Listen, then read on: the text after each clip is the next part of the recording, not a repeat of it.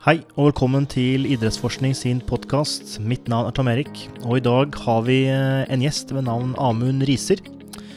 Amund han jobber ved Høgskolen på Vestlandet som førsteamanuensis, og er kollega med både meg og Matthew. Dagens tema er astma og astmamedisin. Amund Riser med kolleger har nylig publisert to metaanalyser som står på astmamedisin mot eh, utholdenhet og styrke-sprintprestasjon der funnene mest sannsynlig vil eh, overraske de aller fleste følgerne. Er det slik at astmamedisin har best påvirkning på utholdenhet og ingenting på styrke, eller er det omvendt? Svar på disse spørsmålene med mer vil du få i denne episoden, så her er det bare å følge med. Og med det så ønsker jeg deg en god lytting. Velkommen, Amund, til vår podkast. Takk skal du ha. Står alt uh, bra til? Ja da, det går veldig bra med meg. Supert, supert. Uh, vi er jo eh, kolleger, så vi, dette var en enkel gjest å få tak i. Bare å gå ned på ned uh, alleen, kanskje ikke alleen, men korridoren, og banke på døra og spørre om du har lyst til å gjøre en podkast. Og det ville du, så det takker vi for. Ja, det er jo en ære å komme til idrettsforskning. ja, ære, det, ja, det er et stort ord. Det vet ikke om vi fortjener ennå, men takk. Greit. Um, litt sånn i tradisjonstro så ønsker vi å bli kjent med deg som gjest. Så hvis du kan fortelle litt om deg sjøl med tanke på utdanning, forskning og jobb. Ja. Jeg har gått på idrettshøyskolen. Der tok jeg en master. Og så jobba jeg litt med forskjellige idrettsproblemstillinger før jeg begynte på en doktorgrad. Og da var det på Medisinsk fakultet i Oslo. Eh, foranledningen til det var at jeg hadde jobba med en eh, Jobba på lab på Ullevål sykehus. Og så ble jeg involvert i et uh, astmaprosjekt der hvor vi fulgte opp en fødselskohort når, de hadde blitt 12, nei, når de hadde blitt 16 år. Og så, når jeg var ferdig med den doktorgraden, så hadde jeg lyst til å jobbe mer med idretts relaterte ting igjen. Og da søkte jeg jobb i Sogndal, og, og flytta til Sogndal. Og her har jeg nå vært i snart eh, ni år. Ok, riktig. Uh, dette astmaprosjektet, hva, hva handlet det om, hvis du kort kan forklare det innholdet der? Ja, eh, min eh, masteroppgave det var faktisk eh, en delstudie i denne metaanalysen som vi skal snakke om tidligere. Så da, mm. da, gjorde jeg en randomisert kontrollert studie hvor jeg undersøkte effekten av beta-2-agonister på utholdenhetsprestasjon. Okay. Da ble jeg også kjent med Kai Joggen Karlsen, som var min, min, veileder på master. Som hadde en stilling på idrettshøyskolen, også en stilling på, på det som nå heter Oslo universitetssykehus. Og han eh, rekrutterte meg inn til, eh, til labarbeid på, på, sykehuset. Og så ble jeg også involvert i dette astmaprosjektet, hvor, eh, hvor vi så på utviklingen av bronkial hyperreaktivitet, som er en ja, et kjennetegn ved astma da, om overømfintlighet i luftveiene. Og så så vi på hvordan dette har endra seg fra de var 12 til de var 16 år, og hvilke faktorer som kunne predikere utviklingen av astma og, og bronkial hyperreaktivitet. Mm. Og Det var da tolvåringer som hadde fått diagnosen, eller jeg vet ikke om det kalles en diagnose, men fått astma? Eller? Ja, dette var en fødselskohort. Uh, altså Man plukka ut uh, barnet ved fødsel, og så undersøkte man de, og så var de fulgt opp igjen når de var 12 år. Ah, okay. Og så var jeg med på 16-årsoppfølgingen. Og så gjorde jeg sammenligninger fra 12-årsoppfølgingen til 16-årsoppfølgingen. Riktig. så dette her var barn både med og uten astma. Og mm. så var det jo noen som hadde astma når de var 12, og ikke når de var 16, og, mm. og motsatt. Og så mm. kunne vi se litt på på hvem som, som utvikla astma, hvem som ble friske. Riktig. Ja, fordi eh, dagens tema vil jo på en måte omhandle eh, en del astma. Fordi eh, du sammen med flere har jo eh, eh gjort en metaanalyse om eh, astmamedisin. Og hva slags påvirkning det har på ulike parametere, både utholdenhet og styrke, sprint. Eller iallfall ja, samlet inn. Eh, men eh, før vi kommer dit, hva fant du ut i denne masteren din? Ja. Funka beta 2-agonistene? Nei, det vi gjorde på masteren, det var jo at vi gjorde utholdenhetstester. Og vi gjorde det i en uh, simulert høyde, altså et trykkammer hvor man sygde ut, ut lufta. Og så tilsvarte da lufttrykket det man finner 2000 meter over havet. Dette var for at det skal stille ekstra krav til, til ventilasjonen, eh, som eh, på en måte Disse beta-2-agonistene er jo med på å bedre ventilasjonen hos, hos astmatikere. Og så vil vi se om en mulig bedret ventilasjon hos friske ville føre til en bedra eh, prestasjonsevne i utholdenhet. Men det gjorde det ikke, så vi fant ingen effekt av, eh, av dette her. Stemmer. um, så uh, hvis vi starter litt uh, med litt det basice uh, Kan du for kort forklare hva astma er, for de av de som der ute som ikke vet? Alle har nok et forhold til astma på en eller annen måte, med disse inhalat inhalatorene og folk med kanskje pustebesvær under aktivitet eller andre ting som Eh, ja, om det er tett eh, kobla til allergi, kanskje. Det kan du svare på for så vidt etterpå. Men eh, litt sånn, hva, hva er astma? Mm. Astma er jo en veldig vanlig kronisk sykdom som uh, kanskje 10% av, av den voksne befolkningen har. Uh, og det er at, uh, at, man har en betennelse i luftveiene som gjør at den glatte muskulaturen rundt luftveiene trekker seg sammen. Og da blir det tyngre å puste, det blir tyngre å drive lufta både inn og ut av, av lungene. Og, og, det medfører jo både hosting og hvesing og, og, ubehag, og også en begrensa begrensning i fysisk prestasjonsevne. Mm, mm. Um, og blant uh, idrettsutøvere så ser man at det er en enda større forekomst av, av astma. Mm. Uh, sånn uh, det varierer fra, fra, idrett til idrett og fra, fra, land til land, men man kan si sånn ca. 20-30% av utholdenhetsidrettsutøvere har astma. Okay. Og, og, det tror man skyldes at uh, ved utholdenhetstrening så ventilerer man mye. Man puster mye luft. Uh, for, uh, og denne ventilasjonen, eller pustinga, den fører til, til små, små, små, sår eller skader mm. nedi lungene. Mm. Og så hos oss vanlige som ikke trener så mye, så gror jo dette til mm. til, til, neste økt. Mm. Men hvis du er en utholdenhetsutøver og trener eh, mange, mange timer i uka med høy, eh, høy ventilasjon, så rekker ikke vevet i lungene å hele seg selv, mm. og så får man en, en kronisk eller en vedvarende betennelse mm. i lungene. Ok, så Det er kanskje et litt vanskelig spørsmål, Den, uh, fra en hard Altså, restitusjonsprosessen er uh, for lang til neste økt, på en måte. At man får ikke restituert uh, den glatte muskulaturen.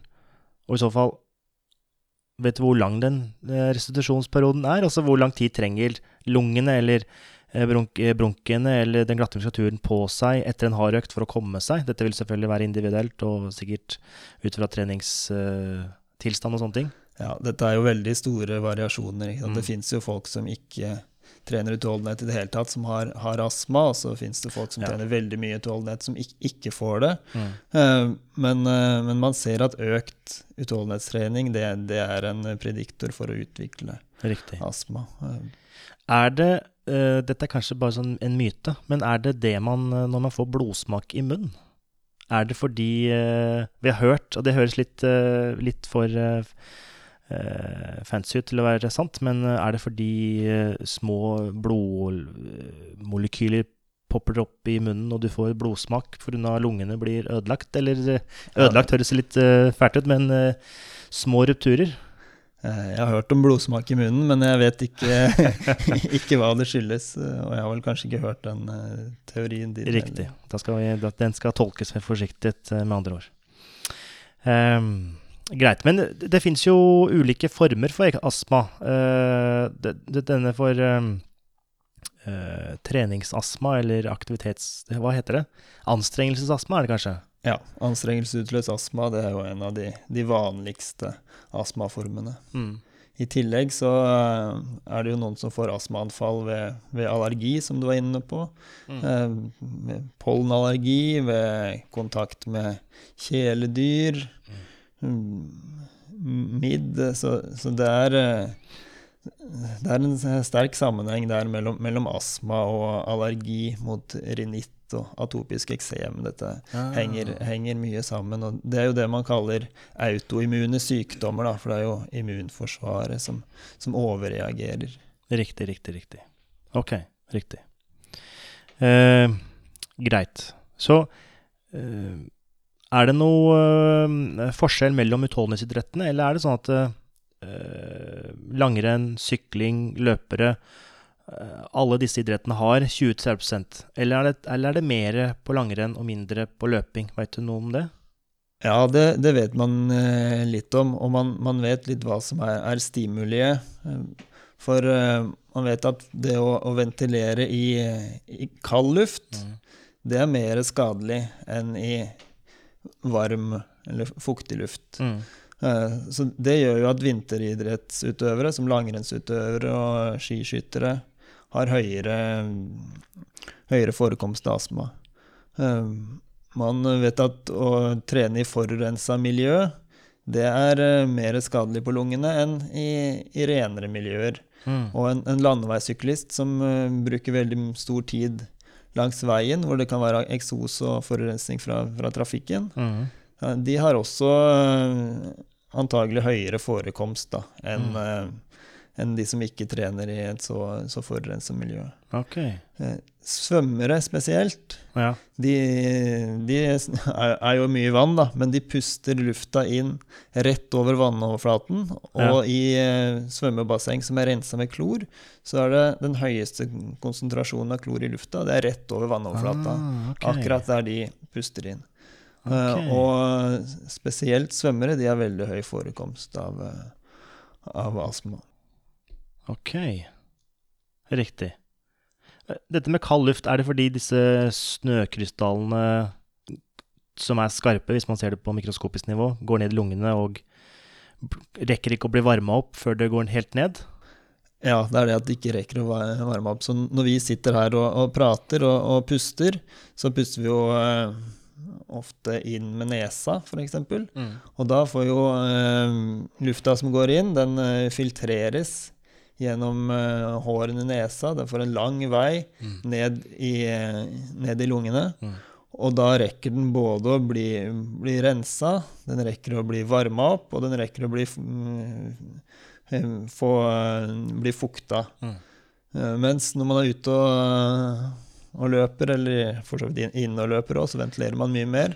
Og da rekker ikke lufta å bli varma opp og, og fukta på, Mm. på samme måte. Mm. Og selvfølgelig kald luft det tar jo, krever jo mer å varme opp Mm. enn en, en varm luft. Absolutt. For å varme det opp til eh, kroppstemperatur. Når jeg eh, drev idrett, som er lenge siden, eh, så spilte vi fotball, spilte fotball ute. Og da hadde vi en regel om at det ikke var lov til å trene når det var mer enn minus 20 ute. Er det, er det derfor? Ja. Vet du noe om det? Ja, det er derfor. derfor. Og, og i langrennskonkurranser og mange, mange konkurranser har en nedre temperaturgrense. Det skal ikke, skal ikke gjennomføres konkurranser på en eh, ja, under en viss temperatur. Mm. Og, og det høres fornuftig ut å ha en sånn grense på, på trening òg. Men man kan jo også tilpasse seg. Man kan kjøre en, eh, en trening som ikke krever så høy ventilasjon. Altså man kjører på litt lavere intensitet hvis det er spesielt kaldt. Og så Mm. har du jo Mm. disse varmemaskene, at man har, har et eh, utstyr da, som varmer opp lufta Mm. litt før det går inn i munnen. Så er det med på at lufta ikke er så kald da når den kommer ned i de sårbare delene av lungene. Ja, for man ser jo i januar og februar måned når det er vinteridrett på, idrett, nei, vinteridrett på TV-en, så er det jo mange som bruker bøff. Det er sikkert også for å holde seg varm, men er det noe altså De har bøff over, eh, over munnen. Er det for å dempe eh, innslaget av disse krystallene som er kalde og ikke rekker å bli varma opp? Jeg tror vel mer at eh, de som er opptatt av å ta vare på, på lungene sine i kaldt vær, at de har et litt mer avansert eh, eh, utstyr da, Riktig, enn å ta en bøff foran eh, ansiktet. Det vil ikke hjelpe noe særlig?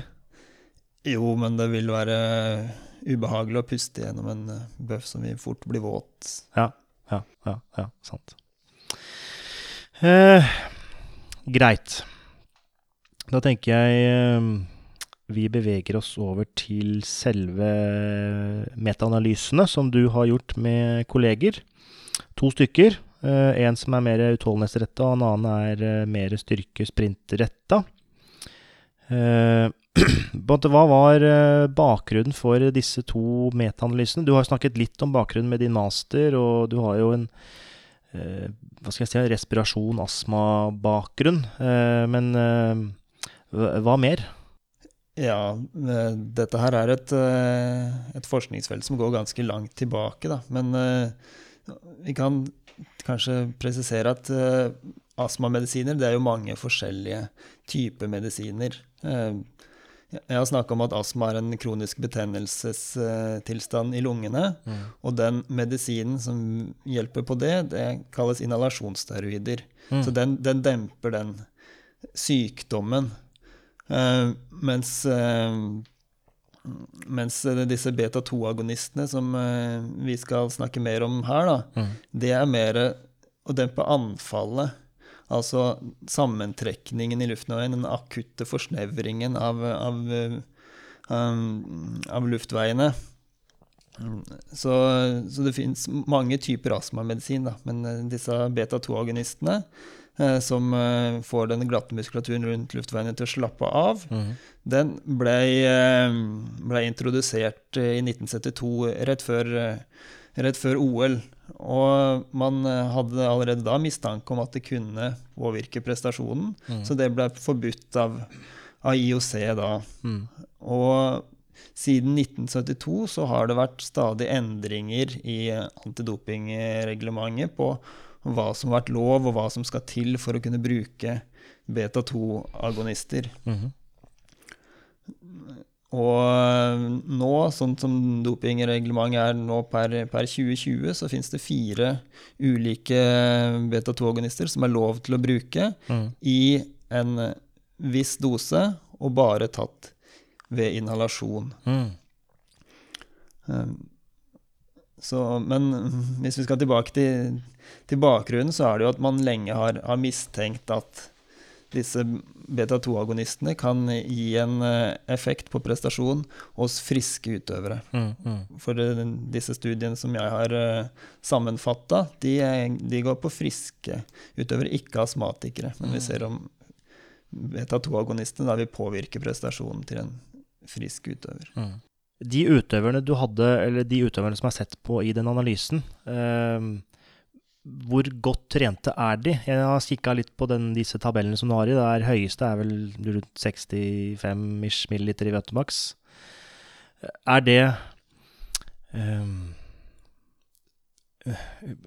kan uh, den som har 65 milliliter i oteopptak, si noe om den som har 85 milliliter i oteopptak? Eller vil de som har 85 uh, og er frisk, uh, ha en effekt? Altså kan vi, hvor langt kan vi strekke de funnene her med tanke på prestasjonsnivå på utøvere?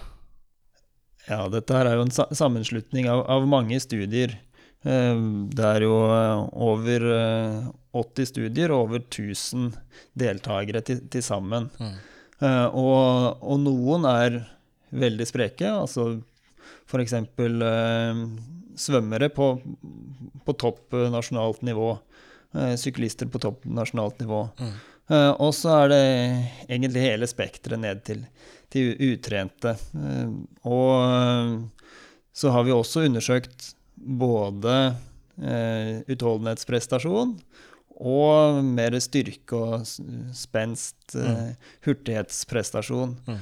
Um, og det er ikke sånn at uh, alle som har uh, blitt testa på utholdenhet, er trent eller konkurrerer i utholdenhet. Uh, så det er, en god miks. Ja. Mm. Og, og, det er vel egentlig både en, en styrke og en svakhet. Da, mm. for da, da, kan du, når det er så mange, så kan du kanskje generalisere det hvitt utover. Ja. Men hadde alle sammen vært landslagsspillere i fotball, så kunne du jo sagt i hvert fall enda sikrere om Den lille populasjonen, ja. ja. Mm.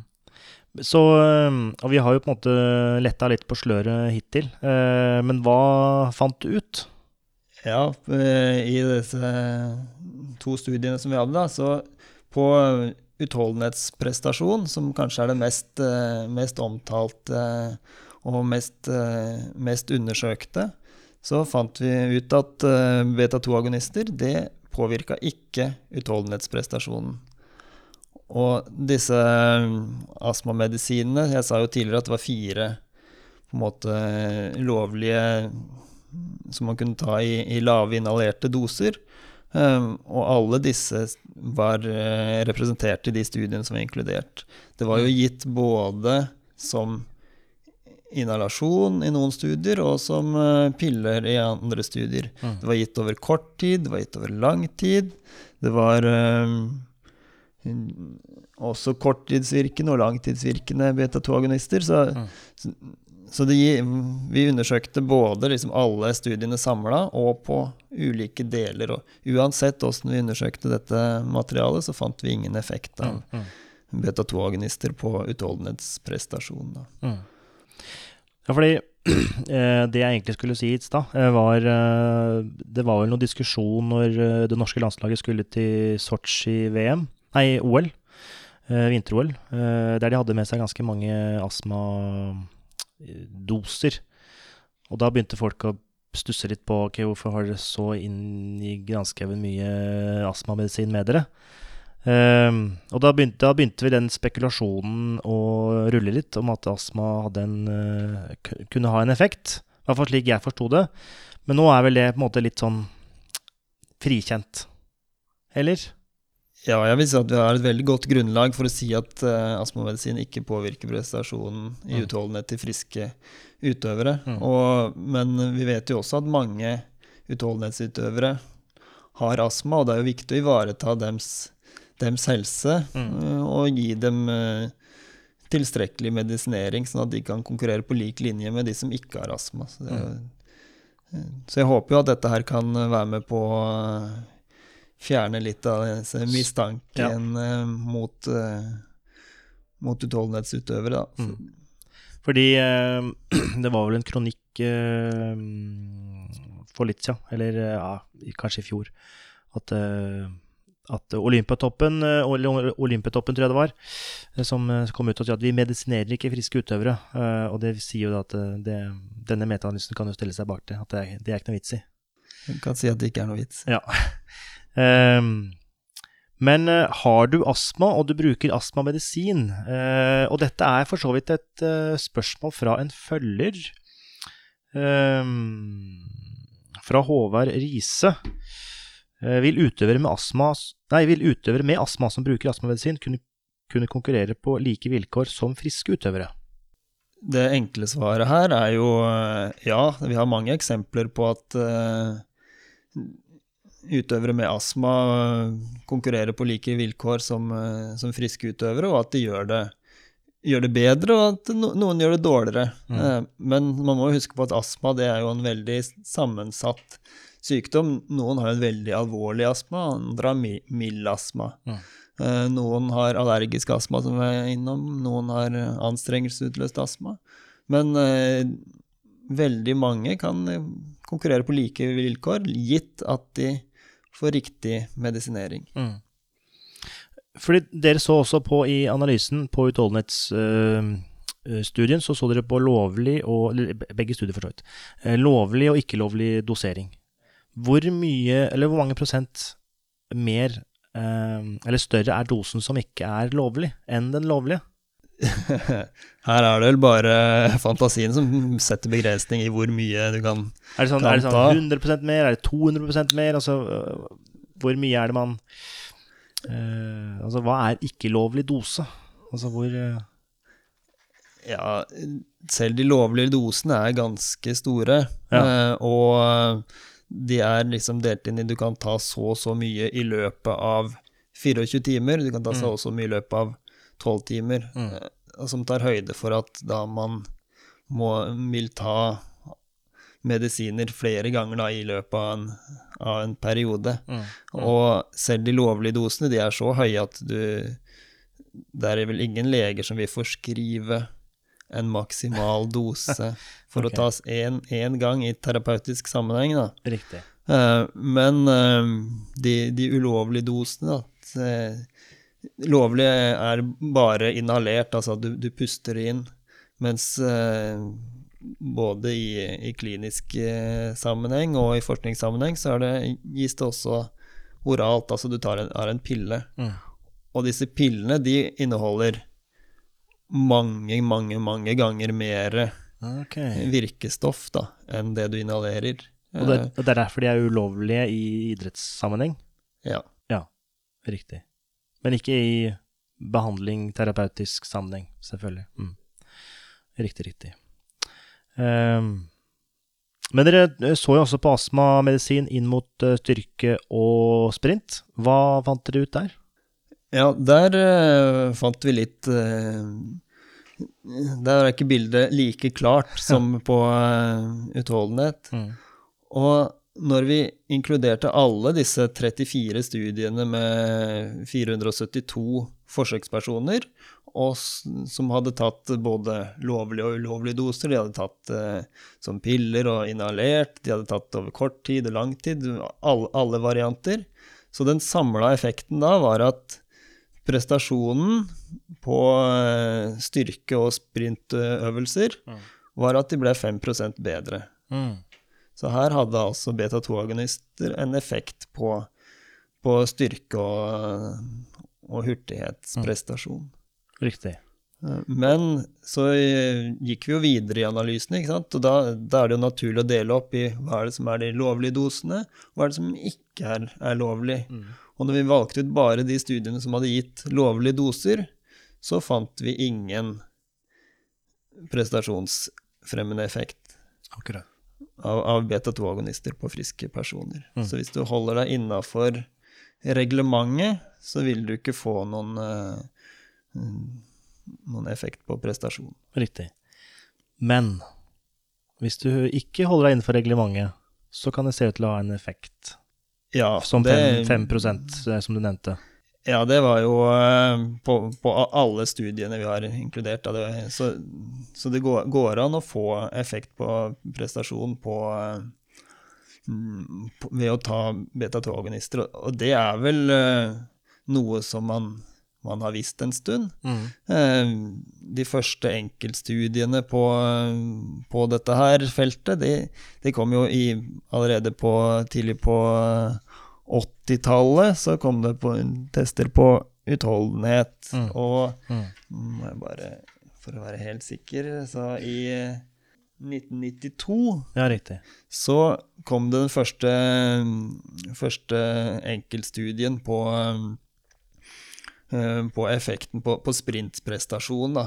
Og den viste jo en veldig stor effekt på prin- sprintprestasjon ved å ta beta-2-agonister over lang tid. Da var det riktignok eh, å ta det i pilleform, relativt stor dose. Mm.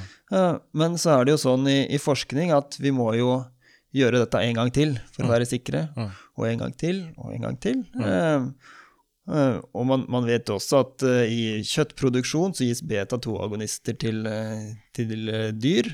Okay. for at de skal, skal vokse fortere. Mm. Og bodybuilder-miljø, der folk, hvis noen er interessert i å jukse der, så, så vet man at det, det anbefales Eller no, noen velger å bruke beta-2-agonister der for å bygge muskler. Ok. Eh, så, og dette er relativt godt kjent, da. Fins det tilfeller i idretten, OL, VM, EM-sammenheng, der folk har blitt tatt eh, eller ved bruk av beta-2-agonisten som driver med styrkekraftidretter?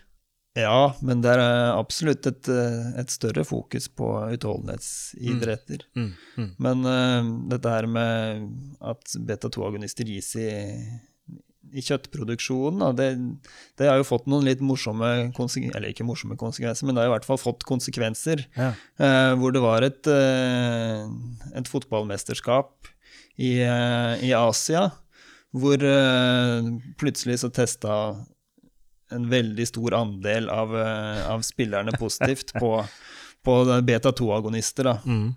Og det var jo da ikke fordi at de, alle hadde funnet ut at de skulle dope seg med beta-2-agonister, det var at de hadde spist kjøtt som Masse var kjøtt. eh, hvor oppdretterne hadde brukt beta-2-agonister for å Ja, var det sant, eller var det en cover-up av, av laget? Nei, det var ikke bare ett lag. eh, og man eh, kan finne spor av disse BT2-agonistene i kjøttet, så Mm. ja, akkurat det kan man være rimelig sikker på at det, det var sant. Eh, Og så har det jo blitt ta, tatt enkeltutøvere andre ganger som også har brukt denne unnskyldningen. Mm. Eh, og noen har blitt trodd på det, og noen har ikke blitt trodd på det. Så Det, det var ikke det Contador ble tatt på, når han kjente biffen hans? jo, det var okay. eh, Contador sin, sin biff. Han, han forklarte jo dette her med at Riktig. det var tatt, fått gjennom kjøttet. Riktig. Hvor Er det da eh, mer beta-2-agonister i utenlandsk kjøtt enn norsk kjøtt? Ja, i Norge er det ikke lov. Det er ikke lov, nei? Nei. Riktig. Ok. Så man skal passe litt på hvis man konkurrerer eh, internasjonalt, og kanskje ikke eller, ja, vite om det er beta-2 i biffen eller ikke?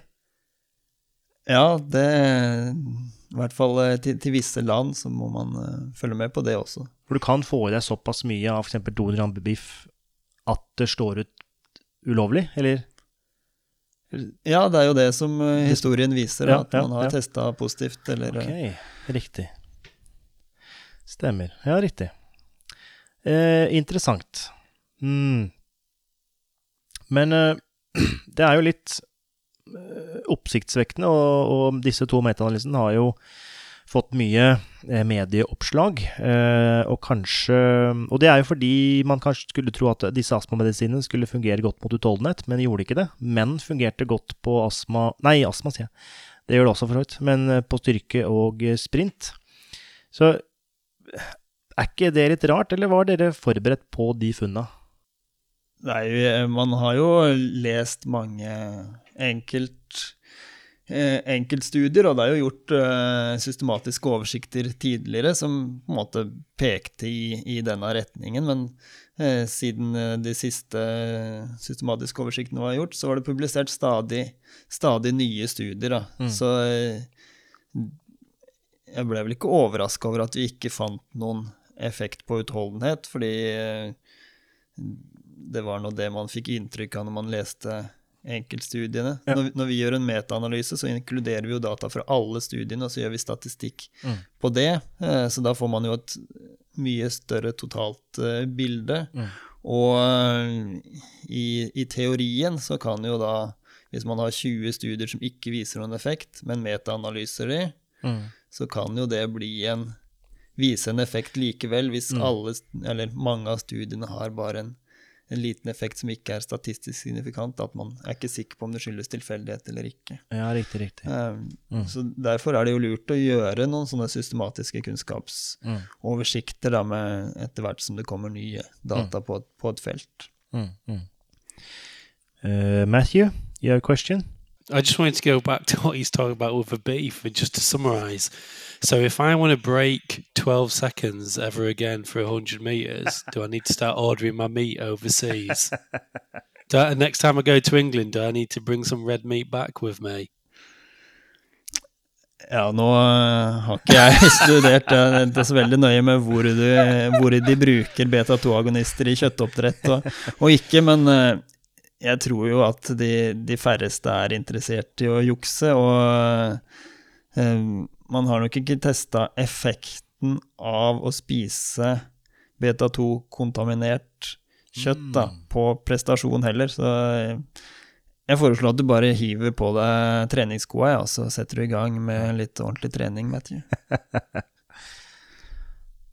Fine. Bra, bra. Eh, skal vi se. Tenker vi tar et uh, par spørsmål fra våre følgere. Her er det fra en student vi kjenner godt. Uh, Håvard. Skal vi se. Hva er årsaken til at ut- utholdenhetsutøvere utvikler astma? Det har jeg for så vidt eh, svart på. og det var jo på grunn av ventilering, og at det ikke resulterer seg godt nok, og at eh, kaldt vær er ugunstig, og dette med forurensa eh, luft er også ugunstig. Eh, og ja, er ikke det greit oppsummert, sånn cirka? jo da, det føler jeg at vi dekka godt i, tidligere. Herlig. Eh, spørsmål tre her fra eh, Miss Moseby. Eh, hvordan bør man trene når man kjenner ubehag fra astmaen? Er det skadelig på noen måte? Ja, hvis, eh, hvis man mener ubehag fra astmaen, at det er et, eh, eh et astmaanfall, eller en, en sammentrekning i luftveiene, så tyder det på at du er for dårlig medisinert. Um, og disse astma-beta-2-agonistene, det er jo de som er, er anbefalt som symptomlettering, og som det man skal ta rett før man skal, skal trene. Uh, så uh, hvis du føler ubehag fra astmaen under trening, så bør du, bør du uh, gå til legen og så få få orden på, på medisineringa di. Mm. Uh, men så er det jo også Man vet at høy intensitet, det trigger astmaanfall mer enn en lav intensitet. Mm. Så hvis du er f.eks. i pollensesong, og du kjenner at du lettere får, får astmaanfall, så kan du velge å trene på en litt lavere intensitet. Altså skal du kjøre intervaller, så mener jeg at for de aller, aller fleste av oss, så istedenfor å kjøre to minutters intervaller som krever veldig høy intensitet, så kan mm. du holde på, på litt lenger. La oss si du holder på seks eller åtte minutter mm. av gangen isteden. Mm. Noe som uh, nødvendigvis vil si at du må senke intensiteten, du må senke ventilasjonen, mm. og da senker du stimuli for et astmaanfall. Mm. Um, og så er det jo dette med oppvarming. Uh, for astmatikere det er jo anbefalt å varme opp lenge eh, før man skal, eh, skal, eh, begynne med høy intensitet. Mm. Så god medisinering, god oppvarming og øke varigheten på dragene for å redusere ja. intensiteten mm. og ventilasjonen. Ja. Mm. Matthew? Um, I remember um, when I used to do track and field as a as a teen, well as a kid and a teenager, and I just remember I've talked about this before. What you do when you was competing as a kind of 13, 14 year old to see who was going to win the race you was in, you just look at the kid who had like facial hair, and it's like right, they're going to win. the guy who looks 25 is going to win, mm. and this is obviously anecdotal, but people in my club and in all the different uh, athletics clubs, there just seemed to be a common theme that everyone who was a good athlete also happened to be asthmatic, and it didn't really matter what of which event. So, if it were, there'd be kids who would be very good sprinters, asthmatic, kind of 400, 800 meter runners, asthmatic, 1500, well, it's three kilometers at that age, asthmatic so it's almost like like in relation to what one of the followers asked about should uh, those who use asthma medicine compete with healthy athletes well it sounds like they're an advantage anyway but i don't i don't know if anybody if armin's got any thoughts on that it, it just seemed very every time a kid who was smashing everybody but happened to be asthmatic on a steroid inhaler. Ja, det syns jeg er vanskelig å kommentere, Matthew. Men uh, jeg tror jo ikke at uh, Eller man får ikke mer uh, kroppshår av å ta beta-2-agonister. inhalasjonssteroider, som kanskje du refererer til med en steroid inhaler, det det er ikke på dopinglista, og de, de, er ansett for å ikke være prestasjonsfremmende mm. i det hele tatt. Eh, så eh, Nei, jeg vet ikke helt åssen uh, dette her henger sammen. Kan det være at de har bare trent mer enn de andre, og derfor utviklet astma fordi de har større volum med ventilasjon? Man kan jo nesten spekulere, hvis man skal tenke at de ikke har drevet med noe ulovlig ting. Ja, jeg tror jo det er veldig få ungdomsutøvere som, uh, som driver med ulovlige ting. uh, men det kan jo hende at de har trent, trent bedre. Men man vet også at i ungdommen så utvikler jo folk seg veldig forskjellig. Mm. Eh, og noen kommer i puberteten tidlig, noen kommer i puberteten sent. Og vi vet også at eh, dette her med astma, det kan oppstå i, i puberteten. Så det kan jo være så enkelt eh, som at eh, de som har kommet i puberteten, de har fått astma, men Mm. allikevel så har puberteten gitt de eh, gjort de større og sterkere, raskere og mer utholdende, eh, men også astmatik, astmatiske. Eh, men eh, det er ikke så lett å svare på dette Nei, her. nei, det er multifaktorelt. Anything else, Matthew? No. Um, I wasn't trying to. I wasn't really making a link between sideburns and asthma medicine. I, I think it was more me just having like uh, post-traumatic flashbacks have always been annihilated by kids who looked older than me. Ja. Ja.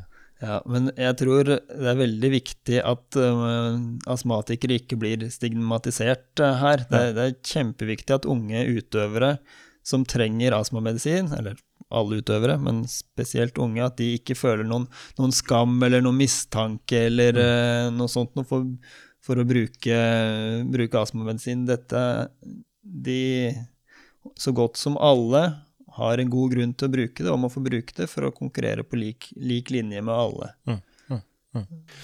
That's a really interesting point. Do you do you feel like asthma medicine is stigmatized? Ja, i, i noen sammenhenger så, så vet vi at uh, de som bruker astmamedisin, føler seg stigmatiserte. At de, de blir, mistenkeliggjort. Uh, Mm. Og ja, at det kan komme noen, noen kommentarer på at 'nå skal du ta, ta dopet ditt', Ja, eller uh, ja, mm. Eh, noe sånt Og det, det, det er jo veldig synd. Og jeg håper jo på en måte at denne, disse studiene kan være med til å bidra til å, eh, til å fjerne noe av denne mistanken, da, ettersom astma- eller beta-2-agonister, uavhengig av dose, ikke påvirker utholdenhetsprestasjon, og at eh, lovlige og terapeutiske doser eh, ikke påvirker styrke eller hurtighet også. Mm, mm, mm. Så det, det, er, det er vik, viktige poenger. Også, denne studien har jo også, eller disse metaanalysene har jo noen svakheter, ikke sant? selv om det er, det er en stor og kanskje den beste kunnskapsoppsummeringen vi har, har nå, Mm. så er jo dette her Det er gjort på friske utgangspunktet. Eh, og de vi snakker om nå, unge utøvere med astma, de, de er jo astmatikere, så vi vet jo ikke åssen dette her ville påvirke de. Og så er det gjort på, på laboratorietester. Eh, og det gjør man jo for at man skal standardisere. Ikke sant? Man skal ha helt like forhold på den ene testen, hvor de får narremedisin, og den andre testen, hvor de får et aktivt preparat, altså beta-2-agonist. Og så skal alt, alt være likt ved de to. Eneste forskjellen er at man har fått uh, medisin eller narremedisin. Mm. Uh, og det man, klarer man ikke å gjenskape i en vanlig idrettskonkurranse som et, uh, et skirenn, et sykkelløp, en uh, fotballkamp eller et uh, ja, en 100-meter sprint, for den saks skyld. Men finnes det studier som har uh, hatt en mer eh, økologisk eh, approach, og finner de i så fall det samme? Eh, man prøver jo å lage testprotokollene så konkurranselike som mulig. Mm. Um, at man eh, foretrekker en Eller det er gjort, gjort begge deler, da, og, og vi har jo un, undersøkt effekten både på sånne såkalte uh, open-ended trials, da, hvor du på en måte løper eller sykler til utmattelse, Mm. kontra eh, closed-end eller eh, time trials, hvor du, hvor du skal uh, gjøre et visst arbeid, f.eks. du skal løpe en viss distanse, Mm. som, som ligner jo mye mer på det man konkurrerer i. Mm. Mm. Så, så man søker hele tiden å gjøre laboratorietestene konkurranselike, men, uh, men man får uh, man får ikke testa dette her i en konkurransesituasjon. Nei. Man kunne jo sett på Dette blir jo selvfølgelig spekulativt, men man kunne jo sett på topp 50 langrennsutøvere i verden og sett på hvem bruker astmamedisin. av de. Ikke at det vil si så veldig mye, men øh, hvis alle er i toppen, hvis topp 10 bruker astma, og topp øh, de resterende 40 ikke bruker astma, så vil ikke det på en måte Vi har jo vist at det fungerer ikke, men vi, denne, denne, myten, denne stigmatiserende, ville fortsatt uh, stå ved. Ja, da, da, da, snakker man jo litt om, om studiedesign, ikke sant. Man, mm. har, man, har, ulike studiedesign, og man har ulike rangeringer av hva som på en måte er, er, er godt bevis. Eh, og, og, det er gjort noen sånne hva skal vi si, observasjonelle studier da, fra, mm. fra vinter- og sommer-OL. Mm. Og da ser man at uh, astmatikere de tar en høyere andel medaljer mm. enn ikke-astmatikere. Så, så, astmatikerne de har prestert bedre uh, i Salt Lake City, i Torino-OL, i Vancouver-OL. Mm. Uh, totalt. Og i, i, Beijing så tok uh, flere astmatikere medaljer i svømming og i sykling enn ikke-astmatikere. Og det har jo vært noe av bakgrunnen for, mm. for å gjøre disse studiene. Mm. Men, men, dette her er jo på en måte gullstandarden i eksperimentell forskning for å finne en effekt. Mm. Så, så, gjør vi en uh, randomisert, kontrollert studie hvor vi kontrollerer med placebo. Og så har vi da summert 80 sånne RCT-studier mm. og gjort en metaanalyse. Mm. Uh, som, det er som det, liksom, det sterkeste evidensen man får. Da. Mm. Og, og da, da har vi noe å hente opp med de resultatene som vi, vi, presenterer i dag. Men hva er det som da gjør at uh, de som vinner mest, har astma, når det ikke er astmamedisinen? Nei, det, det, er jo et veldig eh, vanskelig spørsmål. Ja. Og det er jo, det er jo noen, eh, noen, teorier på dette her, da, mm. som, en, en, som er blitt presentert. Og man ser at astmatikerne er mer suksessfulle i vinteridrett enn i sommeridretter. Eller vinter-OL enn sommer-OL. Sommer mm. Og da eh, vet man jo at eh, i sommer-OL så er det en lavere andel eh, medaljer som deles ut til utholdenhetsutøvere. Mm. Uh, og utholdenhetsutøvere har lavere astma, så derfor så mm. kanskje det er, det er, ikke så, er ikke astmatikerne så suksessfulle i, i sommer-OL. Mm. Og så i sommer-OL så er det mange medaljer som går til østeuropeiske og asiatiske nasjoner, mm. hvor forekomsten av astma generelt i befolkningen, og også blant idrettsutøvere, er lavere. Mm. Uh, men, men, akkurat hvorfor astmatikerne skal være mer suksessfulle, det, det er det også spekulert i. Og én teori det går jo på at de, de fysiologiske forandringene eh, som eh, er assosiert med astma. Det gir et treningsstimuli som eh, er til, ikke tilgjengelig for astmatikere. Mm, mm, ehm, Eller En annen teori er at astmatikeren har en annen genetisk profil som gir dem bedre respons på trening og kanskje medisinering. Mm. For her, vi har jo bare sjekka medisinering på ikke-astmatikere i disse studiene. Mm. Og Eller, akutt, ikke sant? Ikke, ikke, ikke astmamedisinering over en lang periode? Eh, vi har inkludert studier som både har tatt én dose og tatt eh, doser over eh, noen, noen, uker. Ja, ok. Ja. Mm. Men eh, også ettersom eh, si, økt ventilasjon er et stimuli for, for astma, mm. så er det jo en teori som går på at astmatikerne har trent hardere. da. Ja, riktig, at de har sånn, ja. vært, vært mm. ute mer, de har ventilert mer, de har mm. tre, trent mer, og derfor så har de påvirka andre ting som igjen påvirker prestasjonen. Mm. Men, mm. men, alt dette her er jo teorier, teorier og mm. spekulasjoner. Mm. Matthew? Yeah, sorry, let me just. Um, it's interesting that because uh, basically saying asthmatic uh, athletes typically perform better, but it's not because of a medicine, or that's the kind of idea. Um, but is that why people might not believe this work? And the reason I mention that is because Uh, I know you're not on Twitter, Armand, which, by the way, you need to be. Um, it, yeah, the meta-analyses uh, got quite a good response on Twitter. Tom Eric, I've sent you the link if you want to if you want to show Armand it. But Jerome Swart, who uh, is he South African? He's the medical director for the UAE uh, cycling team, I think, and he shared uh, the BJSM tweet about about this work and he basically put 47 studies, crossover design, 600 participants, no performance benefit of salbutamol. And it got quite a bit of um, response on Twitter where almost people were pretty much saying, yeah, cool, but I don't believe it. Uh, making reference to Chris Froome and, uh, and that kind of, of athlete.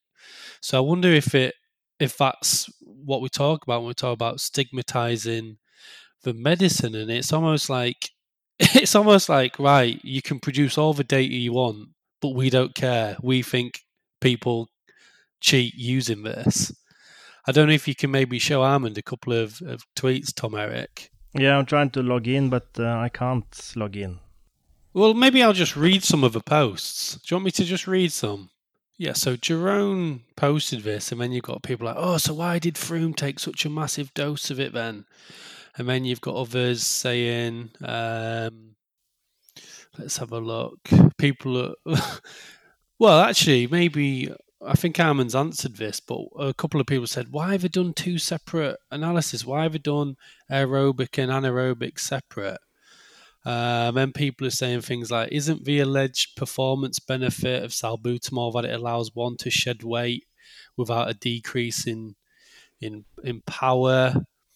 Um, and then someone's saying, so no aerobic benefit. Did they happen to study the effects that dopers actually take salbutamol to achieve? So basically saying, have they actually measured what they're trying to achieve through taking that?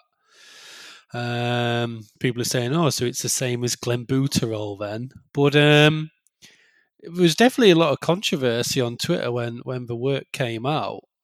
So I think it relates to what you was talking about in terms of, I suppose, while there seems to be a trend that asthmatic athletes do better, people are probably going to just keep assuming it's because of asthma medicine, even though Armand's done some very high quality work to show that it doesn't it doesn't um, have an effect. So, how do we?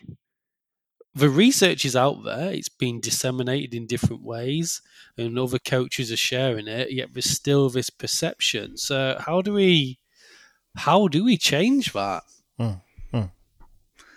Ja, dette er jo eh, et eh, en del av et større bilde, da, at uh, enkeltpersoners uttalelse kanskje veies like tungt som, uh, mm. som noe som uh, er Ja, hva skal jeg si disse, disse studiene er jo et, bygd på i hvert fall ma mange titalls forskere som har produsert sin li lille bit, og så er dette her satt sammen i en, en større sammenheng. Mm. Så, så, at man ikke, ikke, stoler på vitenskap, det, det, gjelder jo ikke bare effekten av uh, beta-2-agonister på fysisk prestasjonsevne, det er jo en, en større, større, bit. Men eh, noe av eh, det vi kan bidra med som, som, forskere, det er jo å gjøre det vi gjør nå. Da, og snakke, mm. snakke om det, prøve å spre kunnskapen, og, og gjennom nye kanaler, sånn som f.eks. Eh, denne podkasten på idrettsforskning og, og, andre måter. Men, uh, men man, man, må jo være skeptisk til, til forskninga også. Det er jo uh, Ja, dette er jo ikke det endelige svaret på, på denne her uh, spørsmålet om man kan prestere bedre ved å ta beta-2-agonister, men mm. det er nå så langt som vi har kommet nå, med de beste metodene som er tilgjengelige, og oppsummert all kunnskapen som fins på feltet. Mm. Eh, men jeg, jeg syns jo det var mange interessante kommentarer der, og man stiller spørsmålstegn ved en utøver som har tatt veldig, veldig store doser, og det, det, bør man jo gjøre. Og, mm. og det blei jo en stor sak som blei undersøkt, det, og så fikk det kanskje ikke det eh, det utfallet som eh, den personen som skrev denne tweeten, trodde eller mente det burde få. Men mm.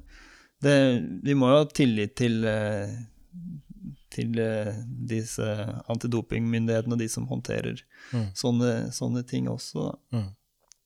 Men eh, det var jo også en kommentar på at eh, det kunne eh, brukes til å redusere vekt. Og, og man vet jo at eh, beta-2-agonister, uh, f.eks. klembuterol, som ble nevnt der, da, brukes for å redusere fettinnhold i Eller at studier har vist at det kan redusere fettinnhold hos eh, pattedyr. da. Um, og hvis man kan redusere fettinnhold i en eh, idrettskropp eh, og ha samme power, så vil det jo gå fortere oppover, i hvert fall.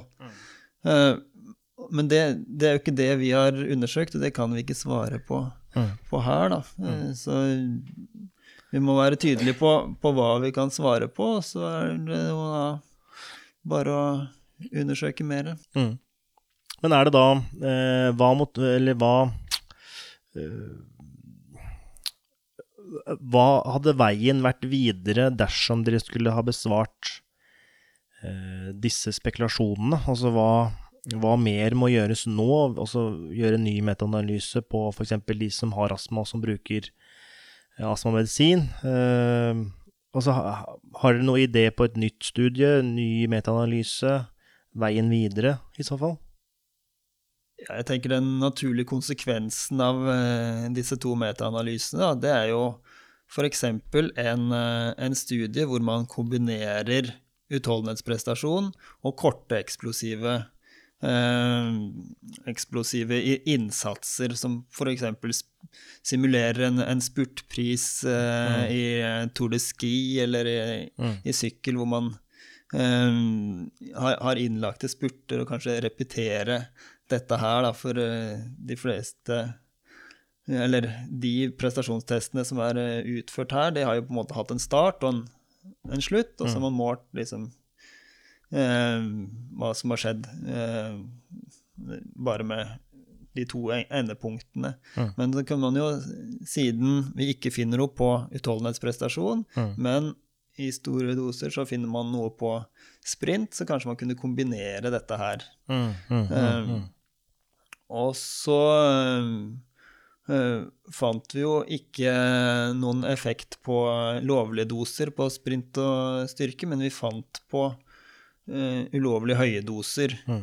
Uh, men det kunne jo vært interessant å gå nærmere inn på uh, og tenke seg godt om, lage gode protokoller, sensitive protokoller på styrke og sprint, Mm. og gi lovlige doser for å se om, om det er noe der. For det, det er jo viktig at man ikke kan forbedre prestasjonen ved, ved å ta lovlige doser. Ja, ja, ja, absolutt. Så, så det tenker jeg er de to eh, logiske eh, oppfølgingene av, eh, av, av disse metaanalysene. At man lager nye, gode enkeltstudier som kan fylle tomrommene som ikke er besvart i Ja. metaanalysen. Matthew? Yeah, just just in relation to that, I've, uh, you can maybe chop this a little bit out, Tomek, but I've sent you the screenshots from the tweets. Um, and just in relation to what Hammond said then about kind of some more experimental studies, um, someone commented on Twitter about the meta analysis saying, Oh, I never knew there were 47 trials of high dose B2 agonist infusion during simulated Tour de France preparation and race conditions in elite cyclists. Um, so I assume that's a little bit of a comment on um, the standard of the athletes that have currently been tested. And so is that a future research direction looking at it in, um, I suppose, higher level athletes? Ja, vi som er idrettsforskere, vi liker jo eh, veldig ofte å teste de beste utøverne som fins, og få svar på om, eh, om de kan eh, Eller om hvordan fysiologien deres fungerer, eller om de kan forbedre prestasjonen på, på ulike måter. Men vi har jo også respekt for at de har en, en krevende jobb som uh, opptar dem store deler av døgnet, og at de det er vanskelig for de å stille opp, da, men hadde, hadde jeg fått eh, 100 proffsyklister til å være med i mine eksperimenter, så hadde jeg jo ikke takka nei til det. Eh, og så Så selvfølgelig, man kan kritisere at eh, det ikke er eh, tatt på mm, kanskje de utøverne som er, har mest å tjene på, på å dope seg. Det, Mm, mm. Men eh, Mm, mm. det er det er ikke så mye Ja, vi må bare jobbe videre. på en måte. Do you think? Do you think you could probably get your hands on a decent population in probably not in Sogndal, but maybe in Norway? Ja, denne, disse studiene er jo et samarbeid mellom uh, Høgskolen på Vestlandet her i, i Sogndal da, og Idrettshøgskolen. Og, og der uh, samarbeider vi videre om, om nye studier, og det er jo lettere å få tilgang til aktuelle eller forsøkspersoner på høyt nivå i Oslo, rett og slett fordi at det er, det er flere å ta av. Um, så vi, vi har ikke tenkt å gi oss med dette her. Vi skal nå un undersøke videre, vi. Mm, mm, mm. Absolutt. Bra. Disse to metaanalysene her, hva slags eh, Og vi har svart egentlig ganske mye på det, men eh, hvilke praktiske implikasjoner har dette her? Eh, Vi har snakket litt om dette med stigmatisering, stigmatisering og altså rett og slett funnene, at altså medisin det fungerer ikke. Men hva slags vil det påvirke Olympiatoppens øh, retningslinjer på det, eller øh, Antidoping Norge, eller internasjonalt, eller altså, har det noe Hvilken påvirkning har dette her? Eh, Nei, vi har hatt en god dialog, og vi har spredd eh, funnene både til eh, Olympiatoppen og til Antidoping Norge og, mm, og sånt, vi. Og, men hvilke konsekvenser det, det får, det er, ikke, det er jo ikke så godt å si, og det, det er jo ikke opp til oss. Men vi har nå på en måte blitt utfordra på litt hva, hva vi mener at uh, bør gjøres, eller hvordan man skal tolke dette her. Og, og én ting er, er jo at det viser jo ganske tydelig at det har noe for seg, denne uh, at, at det står på dopinglista, og at det er en grense for hvor mye man kan ta, og, og hvordan man kan ta det. Så, så det er eh, det har, det har noe for seg å regulere dette her. Eh, og så mm, tror jeg at det kan bli større hva skal vi si, bevissthet rundt at den potensielle effekten blant de som ønsker å, do, å jukse, det er nok i styrke- og hurtighetsøvelser mer enn i langrenn. Så kanskje nå, nå vet jeg ikke åssen de planlegger testing og, og forebyggende arbeid osv., men uh, i hvert fall det inntrykket man har gjennom media, er jo at fokuset ligger mot utholdenhetsidretter, og det er jo der det er tatt flest utøvere. Eh, og så kan man også i hvert fall passe på å, å rette fokus inn mot uh, idretter hvor styrke og hurtighet er, er viktig også. Greit. Da tenker jeg vi øh, er ved veis øh, ende, hvis ikke du har noe mer, Matthew? Yeah, I've just got one more actually, just based on what you're talking about with future research directions. I was just doing a quick scholar search. There's basically very little on asthma and strength sports, and it'd be interesting to maybe look at that. Uh, I just assume. I don't know. I was surprised by the meta analysis findings in terms of the effects on strength and power and maybe everybody else will be. Perhaps that's why nobody's looked at it, but it might be interesting to try to collect some kind of um, data on the prevalence of asthmatic athletes in sports like powerlifting and weightlifting. Vet ikke om du har en kommentar på det, Amund? Jo, det er alltid behov for, eh, for mer forskning, eh, men eh, og, og forekomsten av astma, det, forskning på det er jo viktig for å kunne forebygge sykdommen. Mm. Og hvis, men, men det er liksom, dette er med ventilasjon, og det er jo der begrensningen ligger, stort sett, da, hvis man får, får astma. Og det er jo det som trigger et, et astmaanfall. Så derfor så er det jo flere utholdenhetsutøvere som er plaga av astma, og, og som får det pga. Av, av idretten sin. Eh, mm, en, har man alvorlig astma, så vil man jo pla være plaga hvis man skal løfte tunge ting også, men eh, det, er ikke, det er jo ikke ventilasjonen og tilgangen på oksygen som begrenser Mm. Prestasjonen eh, der, da, eller i hvert fall prestasjonen blir ikke begrensa i like stor grad Mm. som en utholdenhetsprestasjon. Så dersom andelen eh, i styrkeidrett versus utholdenhetsidrett blir lik, eh, så har utholdenhetsidretten en legitim grunn til å bruke astmamedisin, mens styrkeutøverne, de Der er det noe skal Det er noe muffins Nei, nei ja, alle har legitim grunn til å bruke astmamedisin i, i, i riktige doser hvis man har astma. Det er sant. Uavhengig av hvilken idrett man driver med. Det er sant. Eh, Jeg bare antar at eh, astmaforekomsten i styrkeidretter er lavere enn utholdenhetsidretter pga. ventilasjonen. Og dermed, dersom den skulle astma, astmatikerne skulle øke i styrkeidretter, så virker det kanskje litt rart. At de kanskje ikke bruker astmamedisin fordi de har astma, men fordi det potensielt har en gunstig effekt. Ulovlige doser, vel, vel å merke. Ja, men uh, alle idrettsutøvere på et visst nivå, de, de begynner jo ikke å ta, ta astmamedisin. De, de går jo til legen, man gjør en god uh, sykdomshistorie, man snakker om symptomer, og man uh, kartlegger dette her, og så gjør man objektive tester. Og hvis man da har objektive tester på astma, så får man en den, riktige medisinen. Mm, mm, Eh, mm. og, og sånn øh, må det jo gjøres for alle idrettsutøvere. Mm. Eh, I eh, den, den vanlige befolkningen så er det nok vanligere at man går til legen, og så snakker man litt om symptomer, og så får man med seg en inhalator hjem da, som man blir bedt om å Mm. prøve i forbindelse med fysisk aktivitet, uh, uten at det ligger noen, noen uh, objektive tester, tester i bånn. Og da, da risikerer man jo at uh, det er andre ting som er problemet. Ja. Mens uh, Nå kjenner jeg jo ikke åssen det drives på alle ja. idretter i Norge, men på, en på, på vinteridrettene, på langrenn, på skiskyting, så, så gjør man jo veldig grundige undersøkelser før toppidrettslegen gir medisiner. Så det, er- det er jo ikke noe rom for at uh, norske uh, langrennsløpere på høyt nivå bruker astmamedisin, Mm. eller, eller får forskrevet astmamedisin hvis de ikke har behov for det. Mm, mm, mm, mm. Ja, ja. Matthew, you have your hand up again.